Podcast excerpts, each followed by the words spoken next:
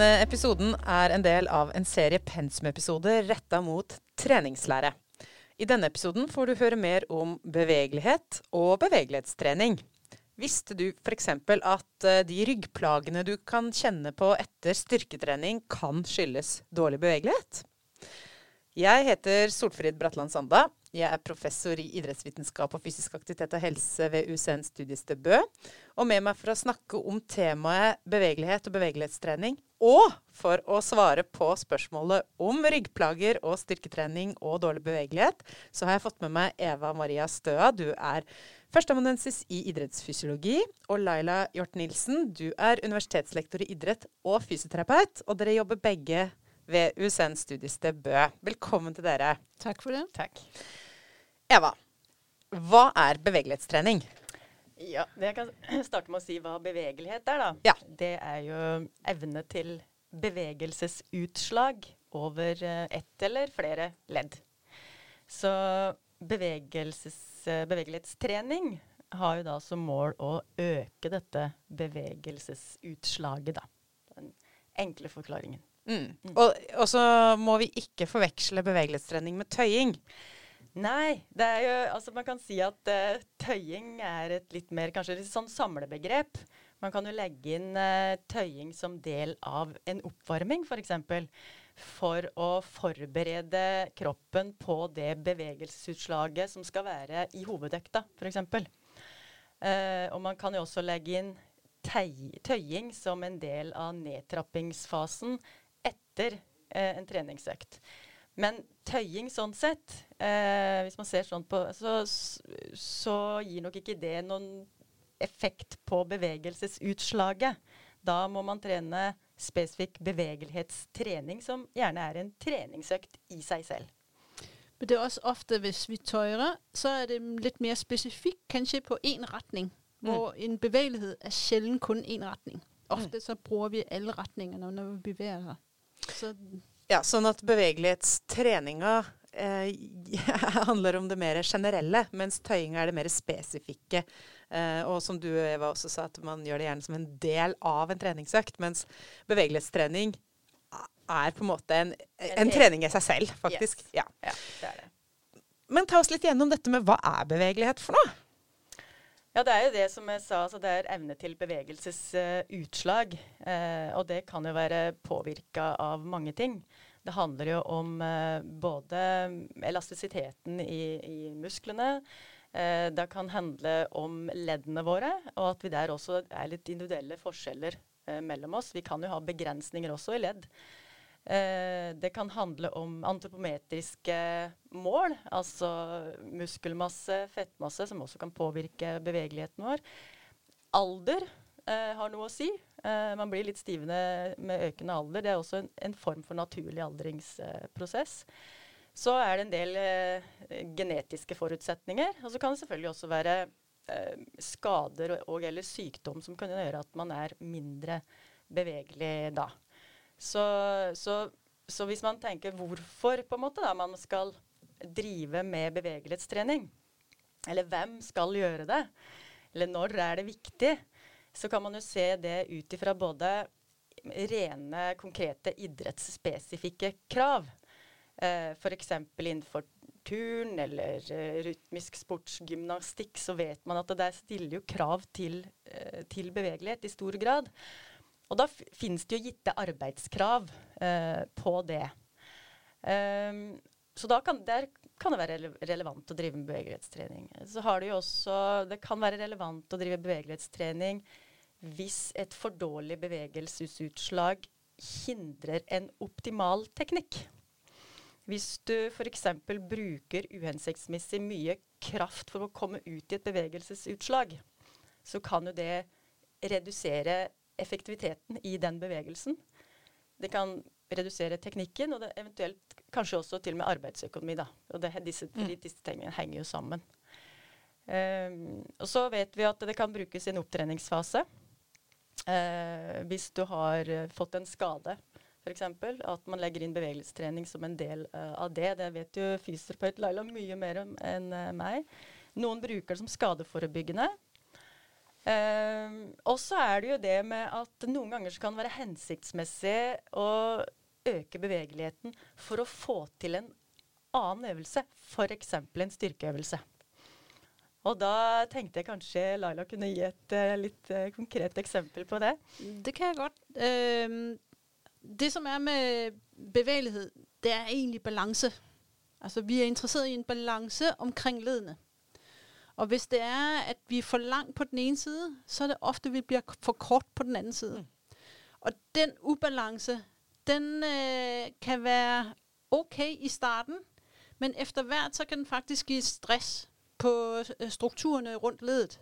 Og den kan give stress på muskulaturen, og den kan give stress på senerne. Mm. Og det betyder så, at vi efter hvert vil arbejde os ind i en kantinskarte, Eller vi vil arbejde os ind i et ugunstigt mønster, som øh, Eva også siger, at øh, vi bruger unødvendig mye energi for at gennemføre en enkel bevægelse.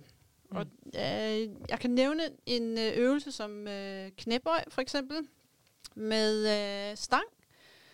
Der, når, vanligvis når vi ser en udførelse, som er vældig fin og flot, så går de ned i 90 grader øh, i knæbøjen, og øh, det ser rigtig bra ud.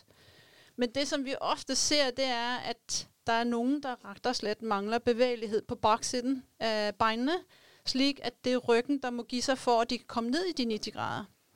Og når de så har gjort det nogle gange, så vil de ofte opleve, at der kommer smerter eller kanskje spændinger i ryggen.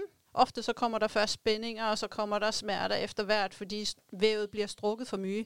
Og det betyder egentlig, at hamstring og øh, lægmuskulaturen, den er for stram. Mm. Så den øh, giver ikke ledet lov til at komme særlig langt frem. Og det vil sige, at der længere op i kæden, så vil der være nogle øh, områder, som faktisk ikke øh, øh, kan komme ind i den position, de egentlig skal være, for at det er mest stabilt.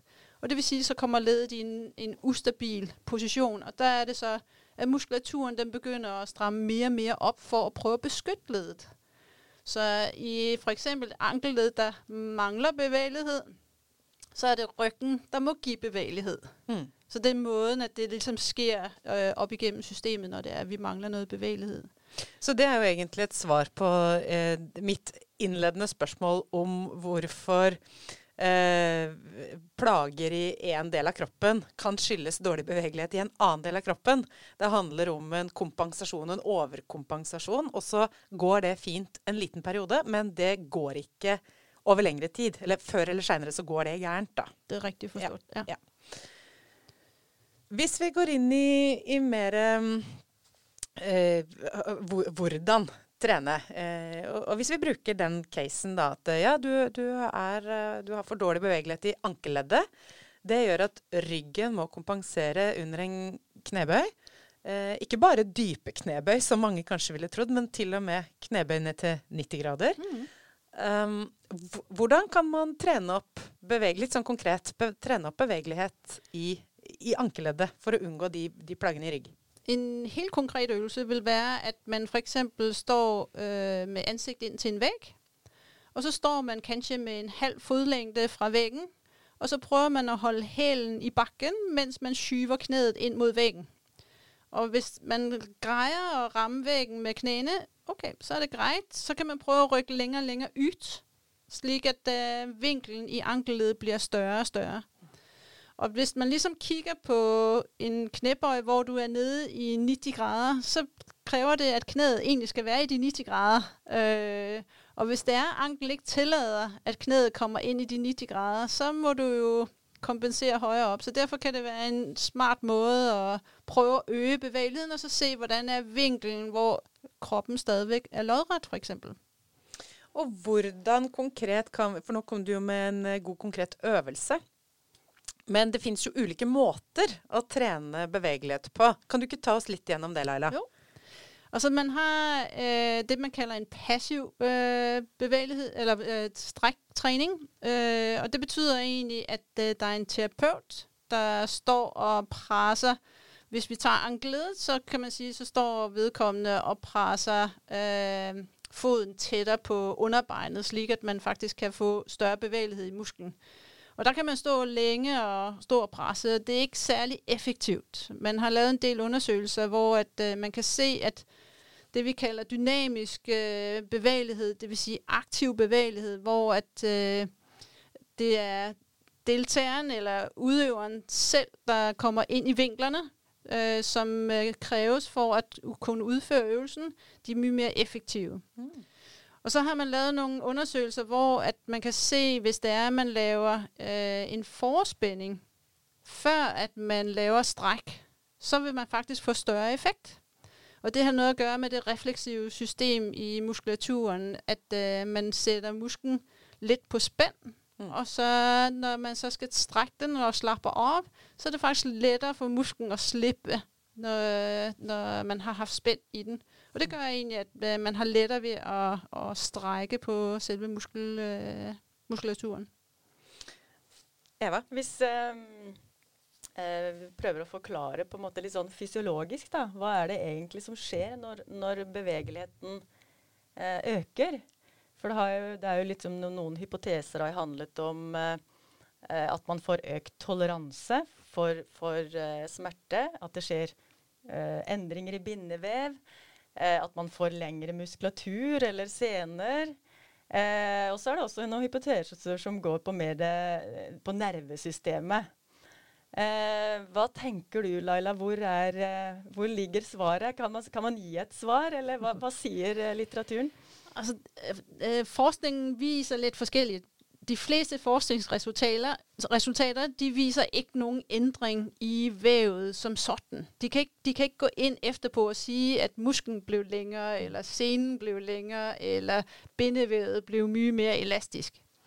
Øh, men det man har kunnet se, det er at øh, når man har strekket på en muskel i lengre tid, så vil muskulaturen være bedre til å modtage øh, strækket. Det vil sige, at øh, musklen den indeholder en, øh, et lille sanseapparat, der ligger og registrerer, om musklen bliver strukket eller ej. Og det samme har senen også i enden af, af musklen. Og det, de to apparater, de fortæller lidt om, okay, nu bliver der strukket, nu skal vi passe på. Mm. Eller nu bliver der strukket, nu kan du godt slappe af. Og det betyder egentlig, at hvis det er, at vi har strukket på muskulaturen, så vil apparaterne være litt mer på, okay, nå blir der strukket, nå kan du godt slappe litt mer mm. øh, fordi de er vant til å få det her stress. Hvis de ikke er vant til å få stress, så er de meget mer på. Og det vil sige, så vil de gå inn og liksom si op, op, op, stop, stop, stop, stopp, stop. Du, øh, må ikke strække mer. Og så vil muskulaturen spænde mer opp for å prøve å beskytte det.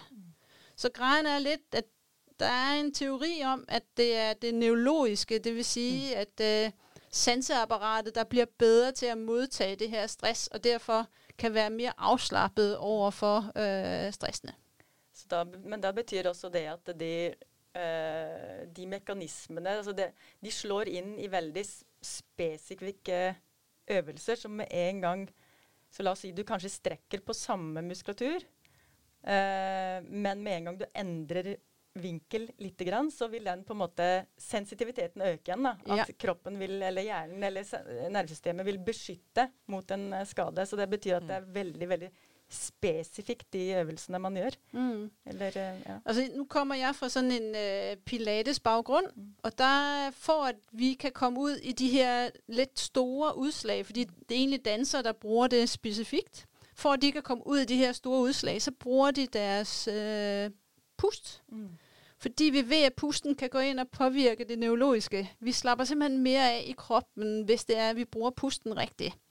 Så, så på den måde, så prøver de at gå ind og påvirke det neurologiske system, øh, faktisk gennem pyster. Man ser det også i yoga, at man bruger pysten til at dæmpe tonus i muskulaturen, netop for at de kan få de her bevægeudslag, som de er interesseret i.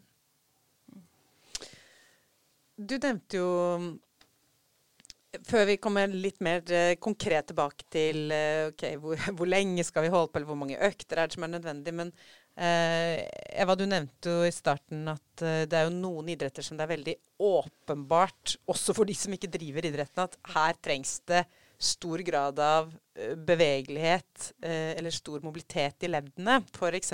turn. Eh, kunstløp er en annen type idrett. Men, men, Laila, det er jo òg sånn at det kan jo være idretter hvor det kanskje ikke er så åpenbart at det er et eh, behov for bevegelighet, men, men hvor, hvor, det likevel kan være et behov for å trene bevegelighet. Kanskje ikke for alle utøverne, men for, for enkeltutøvere. Hvordan, hvordan kan vi som trenere på en måte identifisere og, og, finne ut av det?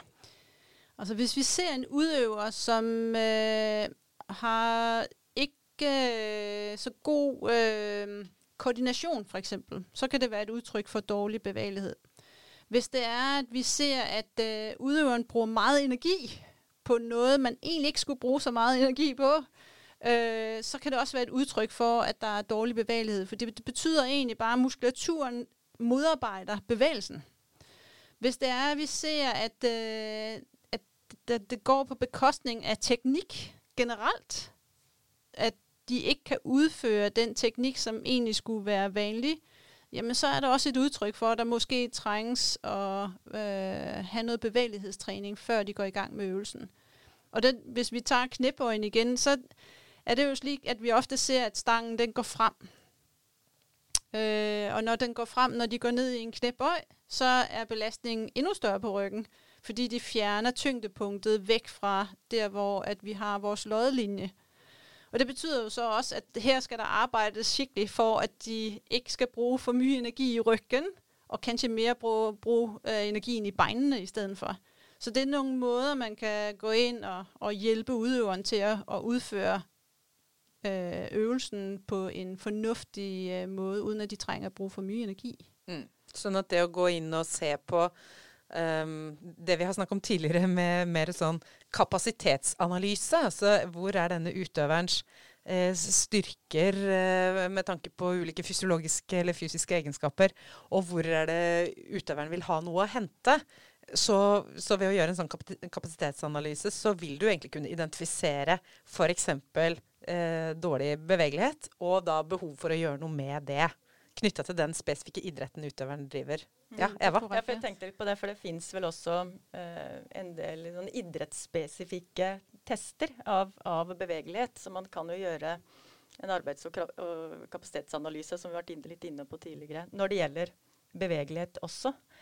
Uh, men så uh, kommer jeg til å tenke på Skal man bruke de som på en måte De kravene til bevegelighet, i hvilken grad skal man bruke de som referanseverdier eller på en måte absolutte verdier. Kan du, kan du si litt om uh, det? Altså, jeg, jeg synes ikke det er nødvendig å ha bevegelighet over, over hele kroppen, hvis man ikke trenger det. Uh, men jeg kan jo også se, at det har en betydning, hvis det er det en spesifikk idrett. mm. Så kan det nogle gange være en fordel at være all-round bevægelig. Fordi at udøverne ofte er mere komfortable, de bliver mindre øh, størlig muskulatur, mm. og de øh, kan, øh, øh, de kan øh, ændre deres bevægelsesmønster på noget, som de faktisk ikke har lært, men som de faktisk bare går ind og ændrer på under for eksempel. Mm. Hvorimod, at hvis det er, at man træner specifikt på én ting, så er det ofte, man bliver rigtig god på den ting, men så er det lidt vanskeligt at, at kunne adaptere til nye ting. Øh, så derfor tror jeg, det er utrolig vigtigt, at man holder sig nogenlunde neutralt bevægelsesmønster. Og så tenkte jeg også litt på det med, med øh, symmetri. Uh, hvis man som uh, tennisspiller eller spydkaster, eller altså hvor, hvor, man kanskje naturlig har bedre bevegelighet på den ene siden. Hva tenker du om det? I, i mer sånn skadeforebygging eller Altså det er utrolig vigtigt, for eksempel for en spydkaster, mm. at øh, de træner øh, muskulaturen på bagsiden, mm. fordi muskulaturen på fremsiden, den bliver mye sterkere på grund af det den, der skal kaste spydet langt. Mm. Øh, så de må egentlig træne boksit, for ellers så træner de seg inn i skader. Øh, for en udøver som tennisspilleren, der ser vi, at der er kæmpe stor forskel på muskulaturen på den ene side af ryggen i forhold til den anden side af ryggen. Mm. Og det er jo selvom, at de, de egentlig bare bruger armen på den ene side mere, end de gør den på den anden mm. side, så sker der noget med hele kropssystemet, som bliver påvirket. Det er ikke sikkert, at det bliver dårlig bevægelighed, men det, men det kan godt påvirke, hvordan skævheden i for eksempel en ryg øh, kan se ud. Mm. Og det betyder jo så også, at der er lidt mere spænding på den ene side, fordi den er generelt stærkere end den anden side. Så det er faktisk vigtigt, at man træner op symmetri, mm. øh, når man arbejder med, med sådan specifikke idrætter. Mm. Hvis vi går inn på eh, mer sånne detaljer om si, hvor ofte bør man trene bevegelighetstrening, eh, når, når, du holder, holder et eh, leddutslag, hvor, hvor, lenge skal du holde? Eh, Laila, kan du ikke si litt om det? Jo. Øh, når, vi, når vi snakker om leddutslag, øh, så snakker vi om range of motion, vil sige ROM. Øh, og det betyder egentlig bare, at vi er interesseret i at komme så langt ud i ledet, som det er muligt, uden at ledet bliver skadet. Mm. Og det vil sige, der er jo et krav om, at der må ikke være smerte. Det næste, det er, at øh, hvis jeg holder et vist stykke tid, så kan det godt være, at det faktisk bliver mere og mere ubehageligt undervejs. Og så er det også lurt, at jeg stopper. Mm. Så jeg, jeg må ikke skikkelig gå ind i en smerte, og så holde mig i smerten, når jeg skal lave en for eksempel udtøjning. Man har fundet ud af, at øh, for at få effekt, så kan det være en fordel at ligge mellem 30 til 45 sekunder. Øh, men man må gøre det flere gange dagligt. Mm. Så man har faktisk fundet ud af, at hvis man ligger omkring 30 sekunder op til tre gange dagligt og mere, så vil det give effekt. Øh, så hvis det er, at man trænger at få mere bevægelighed, så kan det faktisk være en, en øh, dynamisk øh, udtøjning, hvor jeg ligesom starter med at stramme op i øh, kanskje 5 sekunder, og så strækker jeg i 15-30 sekunder, alt efter hvor mange gange jeg har tænkt mig at strække. Fordi så snart jeg kommer over et vist antal stræk i cirka 30 sekunder, så ved vi, så begynder effekten at komme. Mm. Så, så det er en måde at prøve at få bevægelighed på. Og så, kan så er der mange, der har registreret, at når de er varme, generelt i kroppen, så fungerer det bedre, end hvis de er kolde. Og mm. det er også rigtigt. Strukturerne har mye lettere ved at give sig, når vi er varme, frem for hvis det er i, vi er iskolde. Så det å legge opp til en, en skikkelig god oppvarming, hvor du på en måte blir litt sånn gjennomvarm, Eh, så er det viktig. Eh, Eva, eh, hvis vi skal være litt sånn Er det noe vi må være litt forsiktige med når det gjelder bevegelighetstrening? Eller hvilke forholdsregler er det vi må ta? Ja, for det er jo noen ganger kanskje man skal være litt forsiktig med både tøying og bevegelighetstrening. Så hvis vi tar tøying først, da, Laila, så er det kanskje noe med hvis du har gjort uh, trent hvor det har vært mye eksplosive øvelser, f.eks., eller tung styrketrening, eller litt harde intervaller, så uh, bør man jo være veldig forsiktig med uttøyingen etterpå. Uh, det kan bli litt som altså I verste fall, da, hvis man overdriver den tøyingen, så kan man si at det kanskje blir litt som å, å dra i et skrubbsår. Når det mm. allerede er en del muskulære ødeleggelser der. Så hvis man strekker i det ytterligere, så blir det litt som å dra i et skrubbsår. Da kan det kanskje i verste fall forlenge restitusjonstiden. Så det var litt, som, kanskje litt forsiktighet med tøying visse, etter visse hardere treningsøkter. Og så er det kanskje noen ganger man skal være forsiktig med, med bevegelighetstrening òg. For det, jo, det, er jo som regel en ganske hard, tøff økt eh, i seg selv, som man også kan oppleve å bli veldig støl av. Eh, jeg tenker hvis man hvis man har hatt skader, f.eks., så er det vel sikkert eh, noen ganger at man ikke bør trene bevegelighetstrening. og jeg tenker litt på det. Altså, hvis man har kjenninger på at man har en informasjon i kroppen, eller en form for betennelse eller hevelse, eller sånne ting, så bør man vel også være forsiktig med, med å, å, tøye.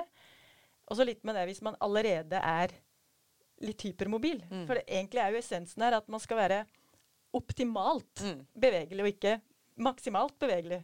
Eh, men uh, du må gjerne supplere når, når, man skal være litt uh, forsiktig med, med bevegelighetstrening. Det er riktig. Hypermobilitet, uh, hvis det er man har hypermobilitet omkring et led, det ser vi jo faktisk på en håndboldspiller eller en baseballspiller, mm. som krever mye bevegelighet for å få kraft i selve kastet.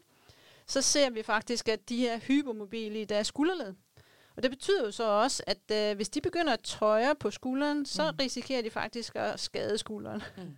Så derfor er det, indre, øh, er det hvad kan man sige, kontraindikeret, at Mm. de skal øh, tøje øh, på sådan en skulder. Men de kan godt tøje, de skal bare ikke tøje på fremsiden for eksempel. Mm. Så kan det være, at de skal tøje på baksiden. Eller det kan være, at de skal tøje under muskulaturen, øh, sånn at de får øh, de områder, hvor det kanskje trængs øh, tøjring. Og, øh, og så er det rigtigt, at øh, vi kan heller ikke tøje på noget væv, der ikke vil give sig. Mm. Så, så hvis det er, at øh, vi ser, at her er der et led, som ikke har chance, så det kjennes som om det næsten er knukkel mot knukkel, der skal man ikke tøje længere, Mm. fordi der er det rett og slett led, der sætter begrænsning på, Mm. hvor langt du kan komme ut. Så det er jo faktisk litt viktig at det er- det er individuelt hvor langt man kan Mm. komme. Der er mange bøker innenfor i hvert fall fysioterapi, der forteller at du skal ha et så og så stort ledudslag, men det, som man er, det er man faktisk gået helt væk fra, Mm. fordi man ved, at der er så mye individuelle øh, parametre, man ikke kan ta højde for.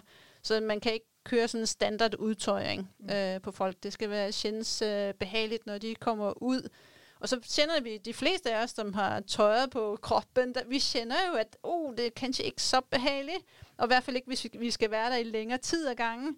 Og der er det jo selvfølgelig vigtigt, at der heller ikke kommer smerte efterpå, når Mm. man har tøjet. Det du egentlig påpeker som en veldig vesentlig faktor da, i hvert fall hvis vi drar inn disse treningslæreprinsippene igjen, som vi har eh, prøvd å dra inn i, i alle disse episodene.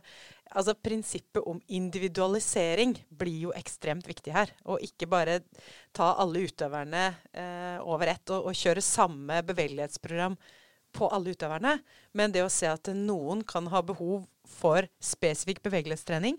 Andre kan jo faktisk ha hypermobile ledd, som du sier, Laila. Og da, da er det faktisk kontraindisert. At det, det, er ikke, det er ikke det du skal ha fokus på. Da er det annen type trening den utøveren trenger for å optimalisere og ska, uh, unngå skader. Mm.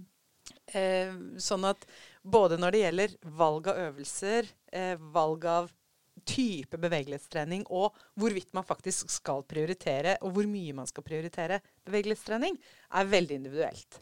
Og så kan det være fint å benytte seg av noen uh, test, rett og slett. Altså noen bevegelighetstest hvor at man uh, tjekker litt ok, hvor er de bevegelige. Hvis der er sideforskel, så er det en god indikator for at der kanskje skal jobbes med noe bevegelighet.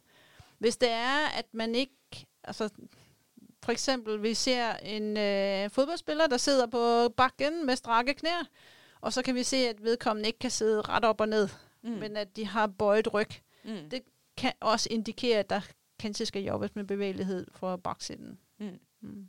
Så til og med fotballspillere kan ha behov for å trene bevegelighet. Ja. Det er en god, god konklusjon. Jeg også. Ja.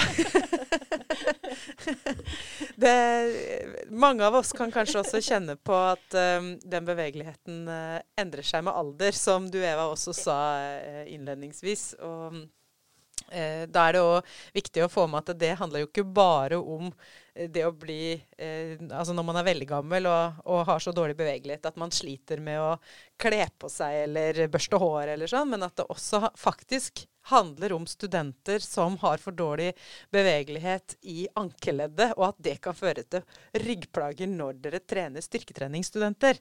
Ja, sånn at dette er, dette er noe som er gjeldende for ulike aldre. Og det, det, apropos alder, så er, har man jo faktisk gått inn og, undersøkt at kollagenet blir mer stift. Mm. Og det betyder jo også, at jo eldre vi blir, jo mer stive blir vi. Ja. Uavhengig av hvor mye vi trener, faktisk. Ja. Men det, det kan godt betale seg å træne bevægelighedstræning. Ja. På samme måte som med annen, eh, andre nei, unnskyld, andre treningsformer, så er det aldri for seint heller å starte med bevegelighetstrening. Det, det er godt. Kanskje det var en god avslutning på, på denne episoden. Ja. Ja, tusen takk eh, Laila og Eva for at dere tok dere tida til å komme hit, og tusen takk til deg som lytta.